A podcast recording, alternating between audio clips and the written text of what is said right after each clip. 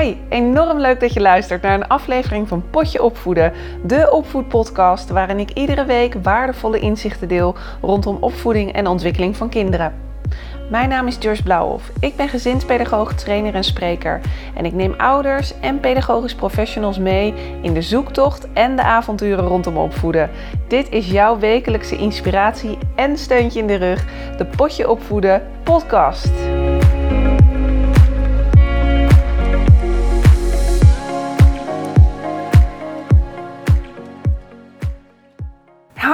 En wat fijn dat je weer ingetuned bent voor Potje Opvoeden, voor jouw wekelijkse dosis pedagogische inspiratie. Leuk dat je weer luistert. In deze aflevering maak ik in samenwerking met Kinderopvang Totaal een aflevering over groene pedagogiek. En nu denk je misschien, hm, wat is dat? Nou, het gaat over natuurbeleving en buitenspelen. Want vele onderzoeken laten ons zien dat natuurbeleving voor kinderen van belang is.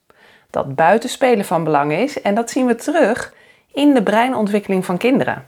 Hoe gaaf is dat?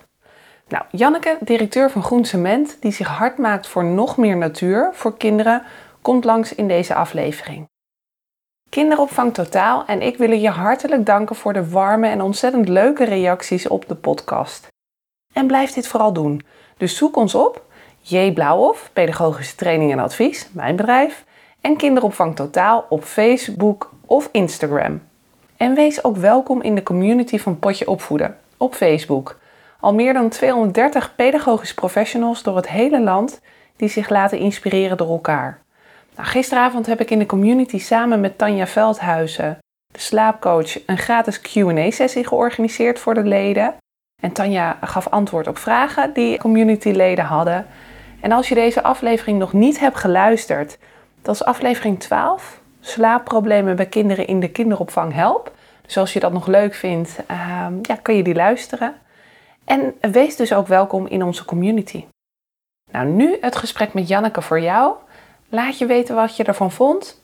Ik wens je ontzettend veel luisterplezier. Welkom bij een nieuwe aflevering. Vandaag ga ik het hebben over onder andere een natuur- en buitenspelen van kinderen. Hoe is dit van invloed op de ontwikkeling van kinderen en hoe kunnen we groen nog meer een plek geven binnen de kinderopvang? En daarvoor vind ik het fijn om even de actualiteit aan te halen. Ik las gisteren een artikel dat mijn aandacht trok en in de kop stond: maak van buitenspelen een prioriteit na de pandemie. Want wat blijkt, kinderen speelden voor de pandemie al minder buiten. Maar de lockdown heeft die trend versneld, waarschuwt Mark Tremblay, een hoogleraar van de Universiteit van Ottawa. Ze pleiten namelijk voor een sterke nadruk op buitenspelen na de pandemie. Want uit recent onderzoek blijkt dat de meeste kinderen tijdens de lockdown veel minder vaak buiten speelden, minder bewogen en meer tijd voor het scherm doorbrachten. En het gevolg is dat we mogelijk de minst fitte generatie kinderen in de geschiedenis opvoeden. En ouders weten vaak wel hè, dat bewegen, gezonde voeding en leren belangrijk is voor het opgroeiende kind. Maar dat geldt dus ook voor buiten zijn in de natuur. En dat is vaak wat minder bekend. En daarom ben ik ontzettend blij dat ik uh, deze aflevering voor jou mag maken. Kinderen hebben natuur nodig. En natuur heeft ook onze kinderen nodig. Want wie op jonge leeftijd de natuur al in zijn hart sluit, wil er graag ook later nog meer zijn en er ook voor zorgen. En ik denk dat we dat onze planeet Aarde wel mogen gunnen, inderdaad. Het lijkt dus steeds minder te zijn dat kinderen buiten zijn. Hè? De wandeling buiten op zondag is functioneel. En de vraag eigenlijk die ik aan jou wil stellen, lieve luisteraar, is: hoe vaak breng jij door in de natuur? Afgelopen weekend was ik met mijn zoontje Tijn, die uh, een dreumes is, naar een natuurlijke speeltuin. Met veel groen, heuvels, uh, water en zand. En wat ik merkte, is door er gewoon te zijn een tijd en te zitten, dat er verdieping van spel plaatsvond. Hij had allerlei dingen gevonden. Hij ontdekte een gat in de houten waterbaan en was heel erg geïntrigeerd bezig met een gat dat in die houten waterbaan zat. En er kwam water uit. En hij deed zijn voet daaronder, want hè, zijn schoenen had hij natuurlijk uitgedaan en zijn sokken. En hij ontdekte dat gat in die houten waterbaan. En een ontdekking als dit doe je niet achter een beeldscherm. En ik zou zelf ook willen dat ik er meer de tijd voor zou uh, kunnen nemen. Want in de natuur opladen is toch wel echt iets moois.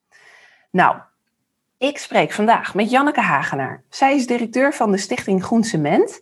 En zij hebben het doel om iedereen met elkaar te verbinden die zich met de relatie kind en natuur bezighoudt. Ze zijn zeg maar als het ware het cement tussen deze twee werelden. En tevens is Janneke jonge kindspecialist vanuit bureau Hagenaar en onderzoeker bij het lectoraat Natuur en Kindontwikkeling. Janneke, ik ben ontzettend blij dat jij er bent. Welkom in de aflevering van uh, Een Potje Opvoeden in deze podcast. Wat vind jij ervan dat we mogelijk de minst fitte generatie in de geschiedenis opvoeden? Hoe zie jij dit? Ik was even benieuwd waar je het gelezen had, Joyce. Het is in Ottawa. Ik denk dan gelijk, oh, hoe zou het zijn in Nederland? Zou het voor Nederland ook kloppen dat we de minst fitte generatie uh, aan het opvoeden zijn? Ik denk dan ook aan het uh, onderzoek van Jantje Beton, wat in 2018, 2019 plaatsvond. Waar inderdaad werd geconstateerd dat kinderen veel minder buiten spelen. En daar wordt als een van de oorzaken ook wel genoemd dat het komt door de verstedelijking. Dus dat er mhm. gewoon letterlijk ook minder ruimte is voor kinderen om buiten te spelen. Ja. Ja, ik schrik altijd van dat soort uitspraken. En het maakt mij ook een beetje activistisch. Dat ik denk, wat? Ja. Let's go. ja, inderdaad. Oké, we moeten aan de slag. Precies, precies. Dus ja, cijfers kun je van schrikken. Maar ga er vooral iets mee doen, want het is vaak toch eenvoudiger dan je denkt. Natuur is in zoveel opzichten een motor hè, voor de ontwikkeling van kinderen. En wat ik mooi vond om te lezen, is dat die zintuigelijke ervaringen in en met de natuur helpen om het uh, jonge kind ook vooral het eigen lichaam te leren kennen en dragen dus bij aan zelfbewustzijn. En op latere leeftijd dragen die zintuigelijke ervaringen bij aan het ontwikkelen van de eigen identiteit en evenwichtige emotieregulatie. En toen ik dat las, dacht ik, jeetje, heeft dat al, dat heeft dus duidelijk zo'n groot effect. En vervolgens dacht ik, ja, fascinatie voor een blaadje dat naar beneden komt, of een merel die je hoort zingen als kind, of die wind door je haren die je voelt, of de geur in het bos als het net geregend heeft. Die zintuigelijke ervaringen, die vind je natuurlijk minder als je alleen maar binnen blijft. Welke voordelen zijn er nog meer, Janneke? Ik vind het wel mooi dat je, dat je ook die breedte opzoekt, Joyce. Want de benefits van natuur worden vaak genoemd ten aanzien van de motoriek. Maar het is voor het hele kind, eigenlijk voor de hele mens, is de natuur van groot belang. Ik vind het altijd heel mooi om, om aan het woord waarnemen en aandacht te denken. Dus als je naar buiten gaat, dan doe je die zintuigelijke ervaring op, eh, waarover jij net sprak. En die zijn inderdaad van enorm groot belang voor bijvoorbeeld voor je taalontwikkeling. Mhm. Als je kijkt naar het woord balanceren, nou balans, hè, dat is ook echt zo'n woord waar we altijd naar zoeken. Als volwassenen zoeken naar, naar balans, van balans in je leven. Maar de ervaring van het woord balans doe je vaak op in je kindertijd ja. uh, en buiten. Dus het proberen te lopen over een klein stoepje buiten, of om te kijken van kun je over die tak gaan, mhm. dan ben je met je lijf aan het leren het concept balans. En dat, dat hele woord balans, dat noem je nog niet eens. Maar het gaat wel een plek krijgen in, jou, in jouw systeem. Dat concept begint al te groeien bij zo'n heel jong kind. Je ziet bijvoorbeeld ook, dat vind ik wel heel mooi, dat hoor ik ook vanuit de, vanuit de praktijk, dat kinderen bijvoorbeeld gaan stapelen. Dan gaan ze hele grote stapels van iets maken. En dat wij dan ons afvragen als volwassenen, waarom doen ze dat toch? Wat is, wat is hier nou leuk aan? Ja. Dat zijn nou van die zintuigelijke ervaringen waarmee kinderen grote concepten, zoals oorzaak-gevolg, zwaartekracht, waarmee ze daarmee oefenen, zonder dat ze direct woorden aan die begrippen geven. Mooi. Dus wat je, wat je inderdaad zegt is dat die taal ook, het lokt ander taalgedrag uit als kinderen eh, buiten spelen in de natuur. Zeker, zeker. En dat is wel heel mooi, want daar zijn we nu aan het onderzoeken vanuit het lectoraat. Hoofd, schouders, knie en taal. Dus hoe die taalontwikkeling anders is. Hoe kinderen dus inderdaad ander type vragen stellen als ze buiten zijn. Misschien een leuk voorbeeld, Joyce. Dat was op een kinderdagverblijf op een, een regenachtige dag echt modder. En ze waren buiten. Want ze hadden goede kleren, ze hadden pakken aan, dus de kinderen waren buiten. En er was een, uh, een, een kind en die had een gietertje. En die schepte het gietertje vol. En die liet het zo vanaf een zekere hoogte, liet het het water naar beneden gaan. En dat was een herhaalde activiteit. Vol scheppen gaan, vol scheppen gaan. En je ziet dat een kind plezier beleeft aan die herhaling. Ze werd niet gestoord door andere kinderen. Het was echt een volledige flow. Hè, dat aspect tijd, wat je net ook zei. Ze kreeg de tijd om die ervaring te doen. En wat gebeurde er? Door die waterstroom ontstond er een klein stroompje in Mhm. het zand waar het water terecht kwam. En toen gebeurde er iets moois. Er kwam een uh, pedagogisch professional langs. En die zei heel spontaan: Wauw, je hebt een waterval. Ja. En het kind keek verbaasd. En, die, en ze zei: Ja, echt, je hebt een waterval. En vervolgens ging de pedagogisch professional ging door. En het kind ging door met haar gietertje. Ja. Want ik had de camera erop. Je zag dat mondje van waterval, waterval. En zo ontstond een totaal nieuw concept bij zo'n meisje. Waarvan je, als je de woordlijstjes ernaast zou, zou leggen, dan, ja, dan is het woord waterval nou niet direct iets wat een 2,5-jarige, bijna 3-jarige moet weten. Ja. het ontstond wel. Ja, en, zo, zo, zie je dat die taal buiten soms ook zelfs haast uh, wat meer wetenschappelijke taal wordt uitgelokt, die onderzoekende taal. Ja, mooi is dat. Ik weet zelf dat het ook wel is op het moment dat je kinderen concepten willen leren. Hè, dat je het vooral via meerdere zintuigen ook moet laten gaan. Dus niet alleen moet laten horen, maar het liefst ook moet laten zien, moet laten voelen, proeven. En dat is in dit voorbeeld natuurlijk ontzettend mooi. Het kind is bezig met onderzoeken en vervolgens komt er zo'n pedagogisch professional langs die zegt, oh, een waterval. Daarmee zie je ook meteen hoe belangrijk die rol van die volwassene is, hè? In het Klopt. aanbieden ook van taal. Dat is zo'n zorgvuldig proces. Je neemt niet de regie over en je bent ook niet afwezig, maar je weet wanneer moet ik iets toevoegen. Eigenlijk zeg ik vaak tegen mensen, vraag je steeds af, wat heb ik hier te doen? Ja. Dus in deze situatie, wat heb ik hier te doen? Je bent allereerst natuurlijk ook gewoon mens, want buiten zijn, Joyce, is natuurlijk voor ons als professionals net zo goed belangrijk. Als we naar buiten gaan met de kinderen, doen we dat voor ons allemaal. Ja. We doen het voor de kinderen, maar ook voor onszelf. Ja, ik geloof, de natuur heeft daarin ook echt een kracht. Hè? Het laat ons letterlijk op. Dus het is ook voor die volwassenen ontzettend fijn om uh, naar buiten te gaan. Het, het reduceert ook stress natuurlijk. Zijn er nog meer voordelen, Janneke, als je kijkt naar buiten spelen? Nou, die stress wat je zei, het is ook uh, de taalontwikkeling hebben we gehad. Het is ook voor de brede persoonsontwikkeling. Want de sociaal-emotionele ontwikkeling, nieuwsgierig zijn, zelfvertrouwen hebben, het welbevinden heb je veel kansen voor buiten. Want dat zien we ook wel dat buiten, dat je de kans hebt om lekker alleen je ding te doen. Mm-hmm. Of dat je met elkaar iets doet. De ruimte, de, de vrijheid van keuzes maken is buiten groter dan binnen. Ja, dat, dat, veel dat meer bewegingsvrijheid letterlijk hè? Dat dat wel een algemeenheid is. Binnen zijn snelle conflicten, de ruimte is gewoon beperkt. Dus ja. buiten ja, is die brede persoonsontwikkeling, krijgt veel kansen. En door samen iets te maken of door samen iets te bouwen, hè, wat ik net zei met dat stapelen, moet je ook gaan samenwerken. Ja, we zeggen ook wel eens dat buiten uh, vinden kinderen spelsporen. Ze vinden iets, ze vinden een takje en ze rapen het op en ze gaan ermee uh, door de aarde peuren, hè, zo een, een weggetje doen. Of ze vinden toevallig iets, uh, die blaadjes, en je pakt ze in je hand en ze gaan knisperen als je ze stuk maakt. Ja. Dus buiten zijn er natuurlijk veel zaken die niet voorgevormd zijn, zoals binnen. Maar zijn de dingen uh, vervormbaar? Zijn ze, kunnen ze gewoon door je handen laten, kun je ze door je handen laten gaan? En zijn ze voor meerdere doelen te gebruiken? Wat ik mooi vind, Janneke, wat je zegt, want dat zet mij ook aan het denken. Dat pleit bijna dat we ook buiten, op de buitenspeelplek, niet te veel voorgevormde materialen moeten gebruiken. Hè? Die zandbak, ik bedoel, ebbertjes, schepjes, maar fietsjes of allerlei andere speelgoed. Omdat dat lokt uit tot een bepaalde beweging. Maar je wilt ook dat juist die kinderen op zoek gaan naar dat takje, naar dat eikeltje wat op de grond ligt. Dan zou je bijna ook pleiten om daarin minder voorgevormde buitenspelmaterialen neer te leggen. Klopt dat? Volmondig ja.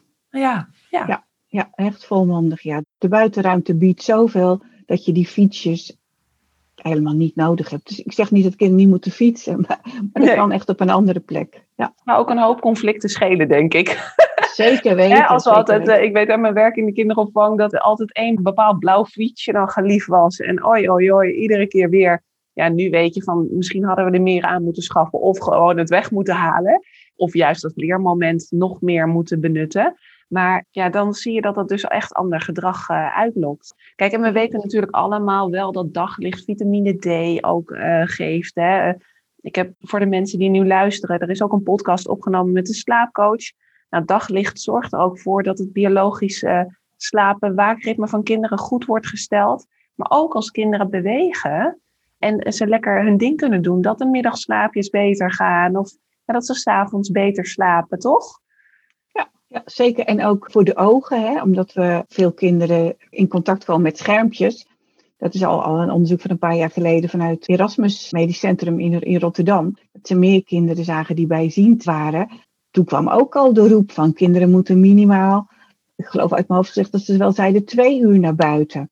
En, mede op grond van, van die onderzoeken hebben we ook een aantal jaar geleden gezegd vanuit Groen Cement. Dat we in plaats van een uur naar buiten, dat we ook zeggen van 90 minuten. Elke dag 90 minuten naar buiten.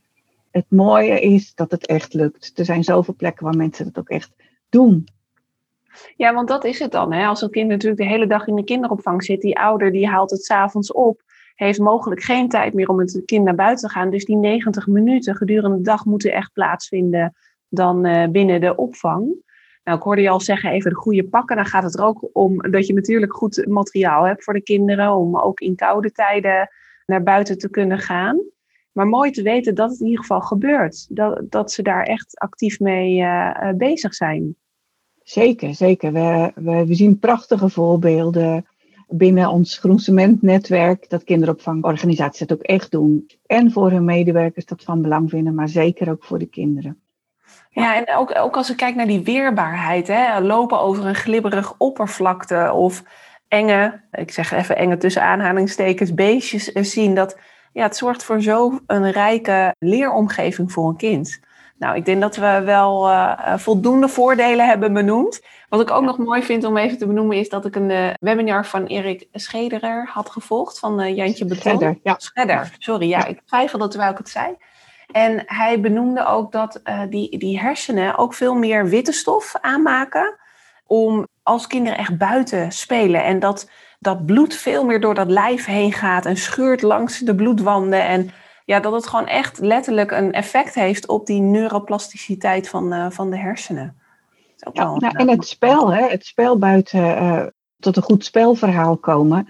Dat is natuurlijk voor de ontwikkeling van een kind ook belangrijk. Want daarmee maak je verbindingen in je hersenen door een spelverhaal op te bouwen. Ja. Want het stimuleert natuurlijk ook de fantasie. Buiten kun je winkeltjes spelen, terwijl je geen geld hebt, maar je hebt wel stenen. Ja, ja inderdaad. Mooi. Of anders wordt het wel iets anders, hè? De blaadjes, als je, ja, je wordt er inderdaad ook creatief van. Wat is nou groen voor jou, Janneke? Oh, dat is een leuke vraag. Groen is voor mij vanzelfsprekend. En uh, dat is natuurlijk ook gevaarlijk, want je plakt snel je eigen idee over groen, plak je dat op een ander. Dus ik vind het belangrijk dat we altijd in gesprek blijven gaan over wat groen is. Um, voor mij zijn groene roots dat ik in de polder ben opgegroeid. Dus wij gingen altijd al naar buiten. Uh, ik woonde aan het water, dus we gingen met een bootje varen als dat kon. En als er winters ijs lag, stapten we op de schaats. Mm -hmm. Voor mij hoort groen bij mijn uh, dagelijks ritme. En ik denk dat dat gelijk wel een hele belangrijke factor is. Probeer de verandering van meer groen in te bedden in je dagelijkse ritme. Ja. Want wat ik merk is dat we het soms zo groot maken.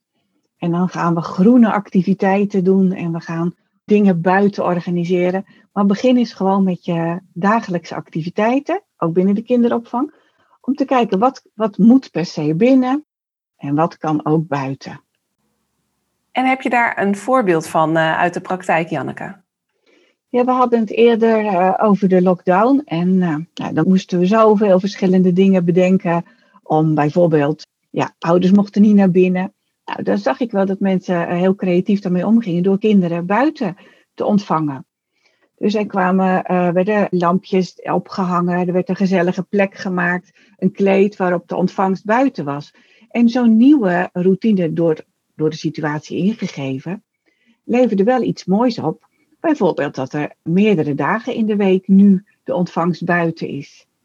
Of dat er vaste momenten van voorlezen, dat het buiten gedaan wordt. Mm-hmm. Ik zou er echt voor willen pleiten, denk nou niet te groot. Probeer het nou eens gewoon eenvoudig te doen. Welke dagelijkse dingen kun je gewoon buiten doen? Ja. En over veranderingen, Joyce, soms gedrag van mensen verandert als we het in kunnen bedden in ons dagelijks handelen. Dat weten we. Ja. Dus spreek bijvoorbeeld met elkaar af. Nou, laten we eens kijken op welke dagen gaan we die ontvangst buiten doen en op welke dagen sluiten we buiten af. Door die afspraak te doen en met elkaar te maken, wil je er ook aan houden, dan, dan ga je ervoor. En dan kom je natuurlijk ook op een, zekere, een zeker moment dat je denkt, oh nee, vandaag niet, want het giet van de regen. Ja. Of denk je dan, nee, we hebben het afgesproken, we doen het wel. Hoe gaan we het dan oplossen? Dus je wordt ook daarin, ga je een creatieve oplossing bedenken. Ja, en ik denk daarin, Janneke, dat je ook een beetje lef moet hebben als pedagogisch professional. Hè? Stel je voor dat je zo denkt van, nou, ik ben wel bereid om in die regen misschien hè, of een tent op te zetten en daarin uh, creatief toch nog ouders te ontvangen of hè, noem maar op. Je moet ook een beetje lef hebben. Wat ik vervolgens tijdens je verhaal bedenk, dat ik denk, oh, ik vind het zo jammer. En ik merk bij mezelf ook dat er nog een beetje een soort van stoffig imago rondom dat groen zit. Tegelijkertijd merk ik nu als moeder van een jong kind dat ik denk, oh, die natuur zou ook in mijn opvoeding een grotere plek mogen, mogen krijgen. Dus het is vaak wel dat we zo'n voorbeeldfunctie zijn voor kinderen en het ook wel moeten voorleven. En dat er zoveel voordelen biedt. Vooral ook als je kijkt dus naar die, die ontwikkeling, die breinontwikkeling, letterlijk. Zeg maar, als we kijken naar het brein. Het gaat er ook om dat je een paar voorvechters moet hebben op je locatie, die misschien affiniteit hebben hè, met groen en die, die dat ook leuk vinden.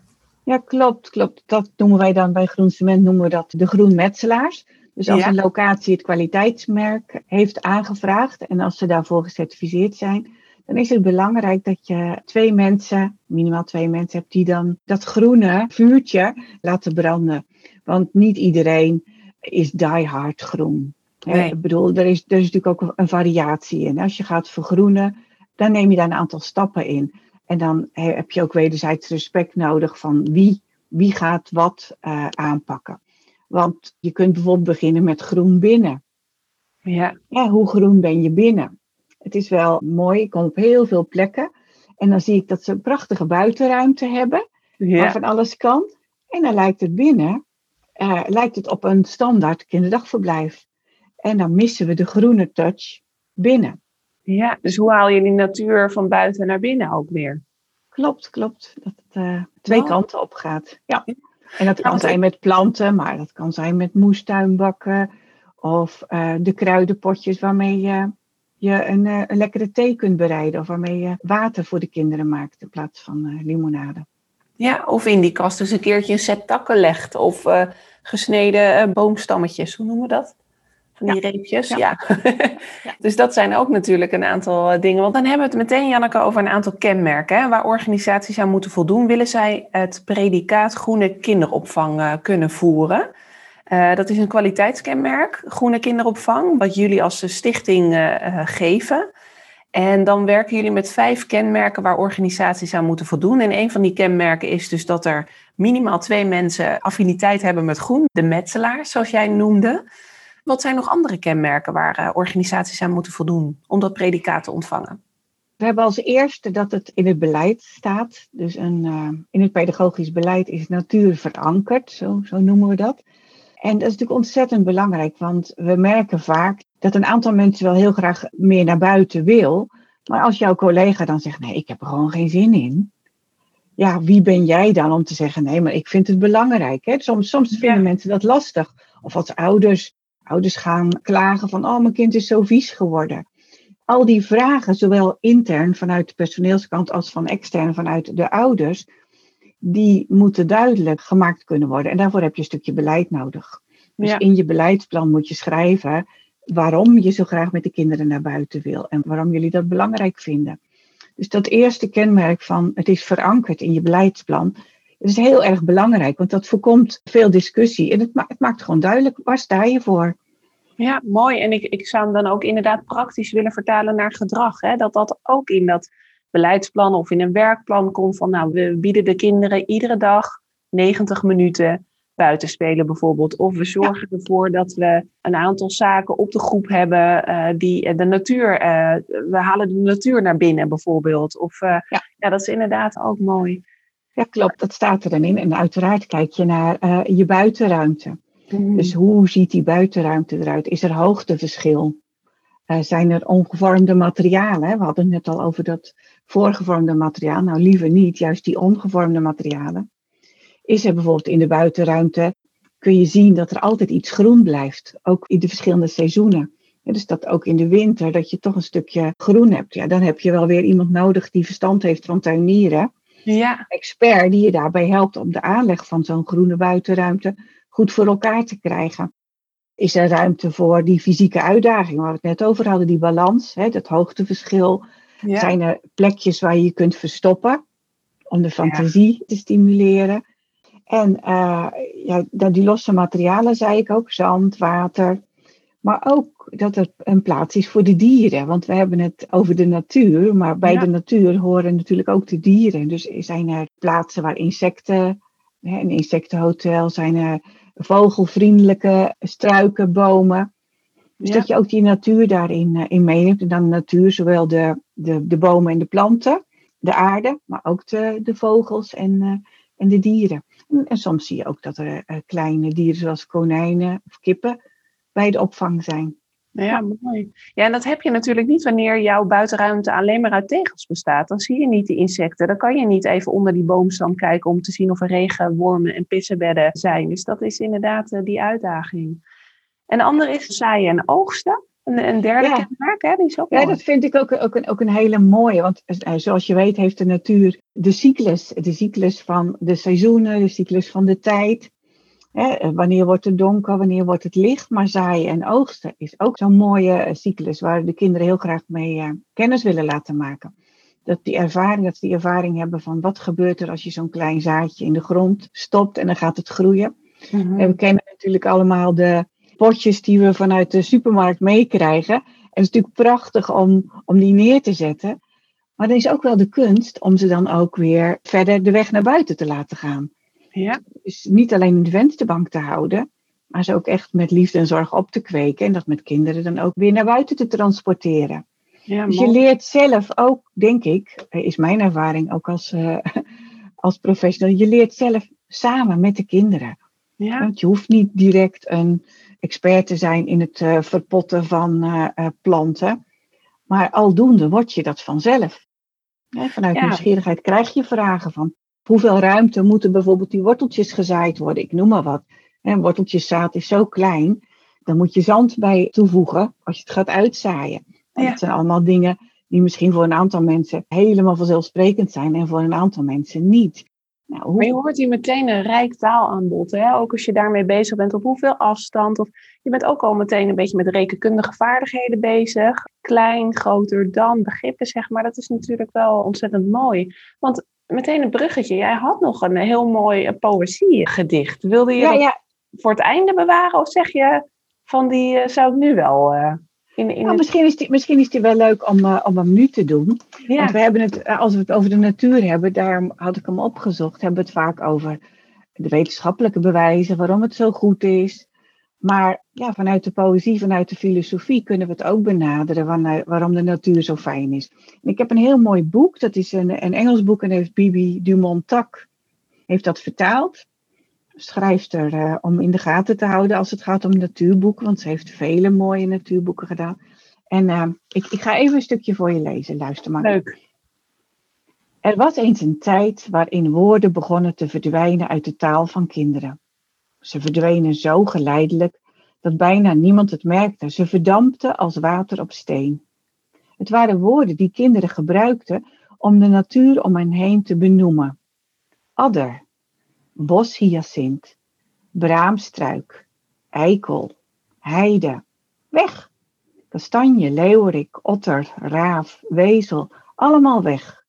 De woorden raakten verloren, niet langer levend in kinderstemmen, niet langer actief in hun verhalen. Ik vind dit zo prachtig, want we kennen allemaal wel het voorbeeld dat een kind soms helemaal verbaasd is als de melk uit een koe komt en niet uit een pak. Ja, dat, dat soort voorbeelden noemt iedereen dan. Maar ik denk als we die clichés even voorbij gaan, zegt dit verhaal, geeft ons wel te denken. Welk kind weet er nog wat een adder is? Of een boshyacint?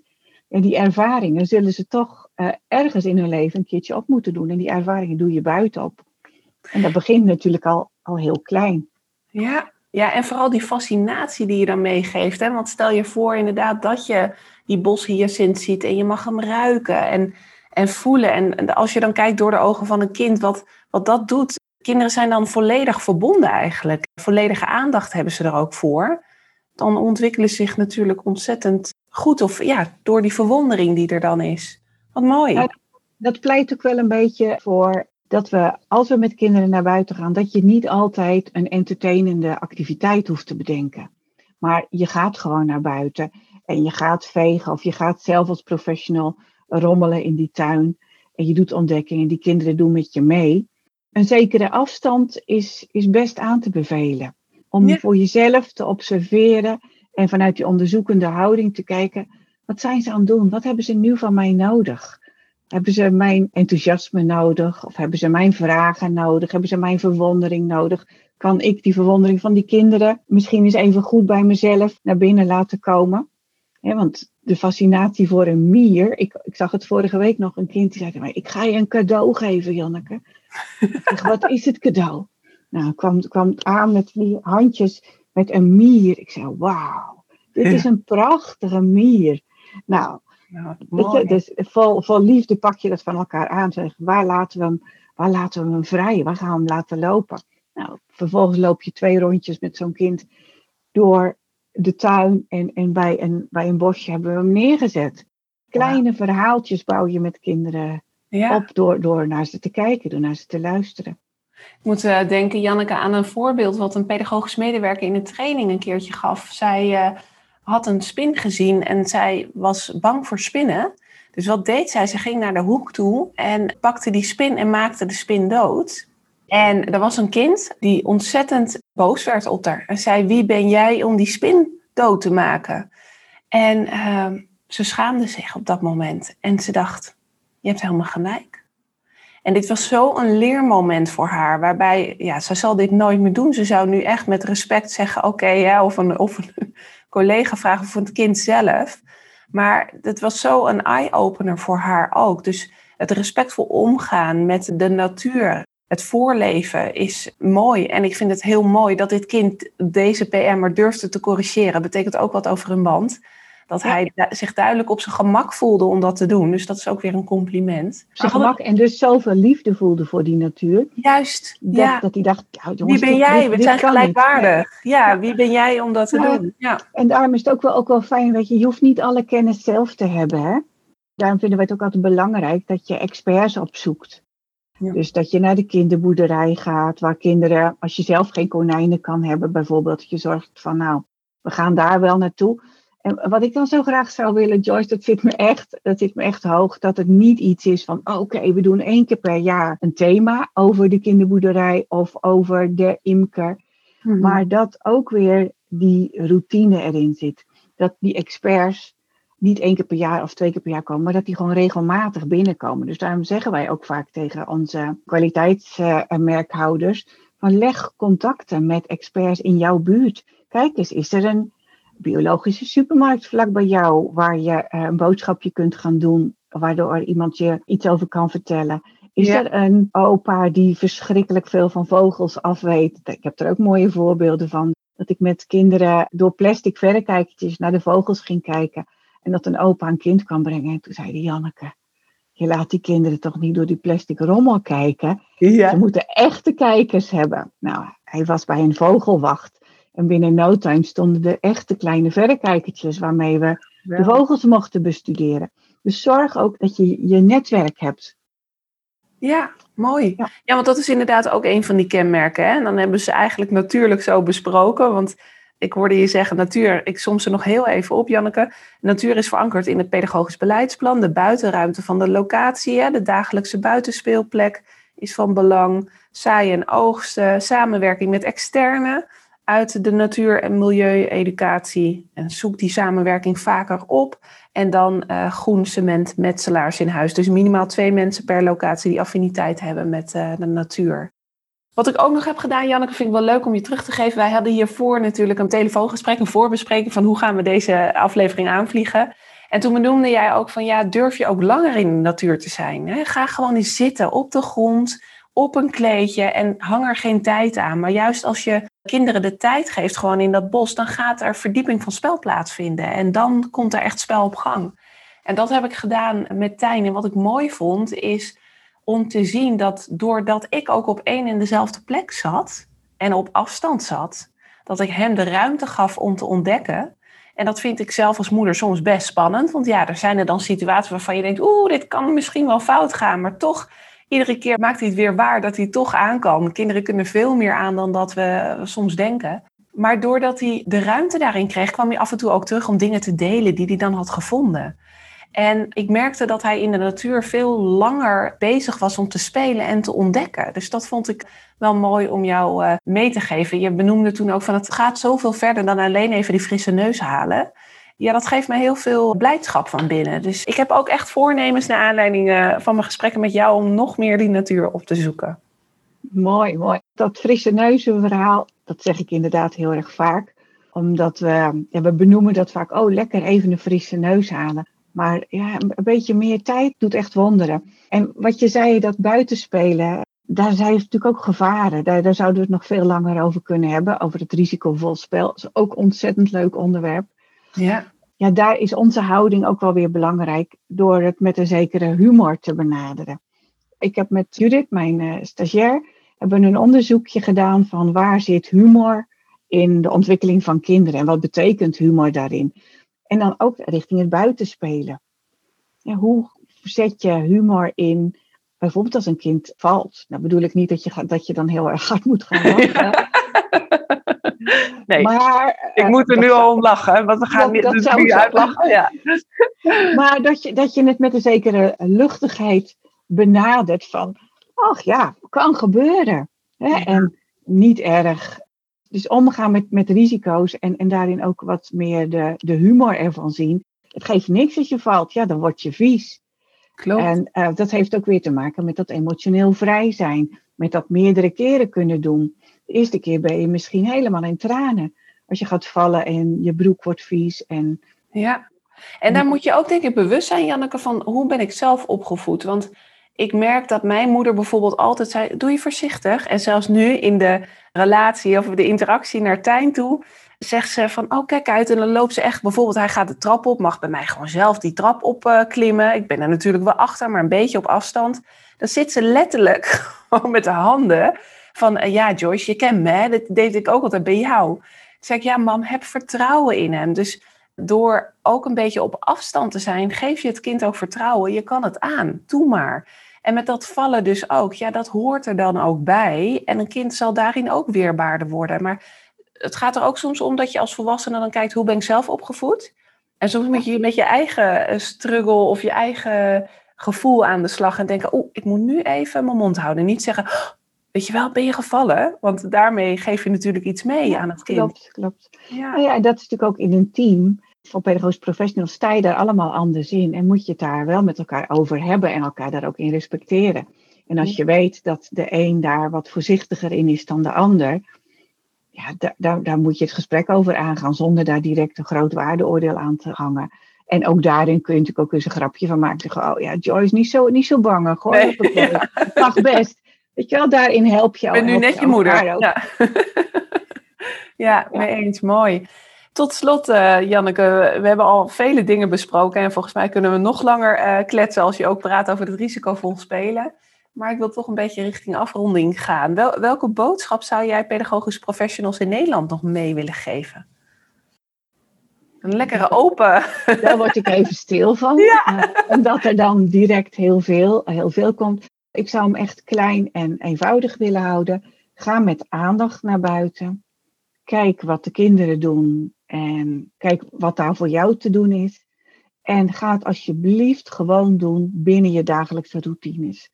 De gewone dingen van eten, drinken. Niet alleen picknicken als het mooi weer is, maar gewoon koffie drinken, ook als het een beetje miezert. Een boterhammetje eten, ook als het hard waait. Dus in de gewone dagelijkse dingen, kijk hoeveel dingen je buiten kunt doen zonder dat het dan heel veel voorbereiding of activiteit kost. Dus maak het voor jezelf gemakkelijk en ga vanuit die onderzoekende houding kijken, wat hebben kinderen daaraan? Hoe vind ik dat? wat is het effect als ik in plaats van een 10 minuten, nu is 20 minuten buiten blijf uh, met de allerjongste. Of, of misschien wel drie kwartier met de grotere kinderen.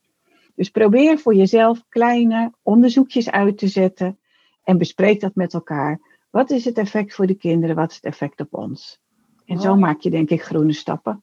Ja, begin bij jezelf en houd het klein. En kijk hoe je het kan combineren in de dagelijkse dingen die je al doet. Ik denk dat je de kansen dan ook groot maakt dat je nog meer dingetjes ontdekt die ook kunnen.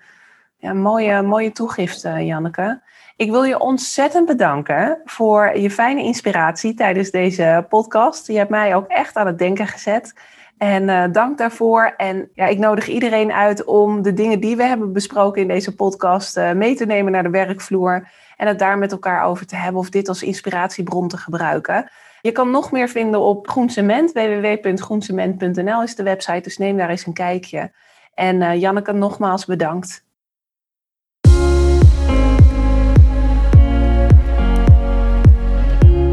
Hey, wat ontzettend leuk dat je hebt geluisterd. Bedankt daarvoor. Nog een paar dingen die ik graag met je wil delen. Wil je alle afleveringen overzichtelijk onder elkaar? Abonneer je dan op deze podcast. Klik in jouw podcast-app op de button subscribe of abonneren en je ontvangt dan automatisch een berichtje als er een nieuwe aflevering online komt. Mijn missie is om zoveel mogelijk ouders en pedagogisch professionals te helpen bij het opvoeden van kinderen. En om mijn missie te bereiken, helpt het als jij een review wilt achterlaten via de app waarmee je deze podcast luistert. Ken jij nou iemand voor wie deze aflevering interessant is?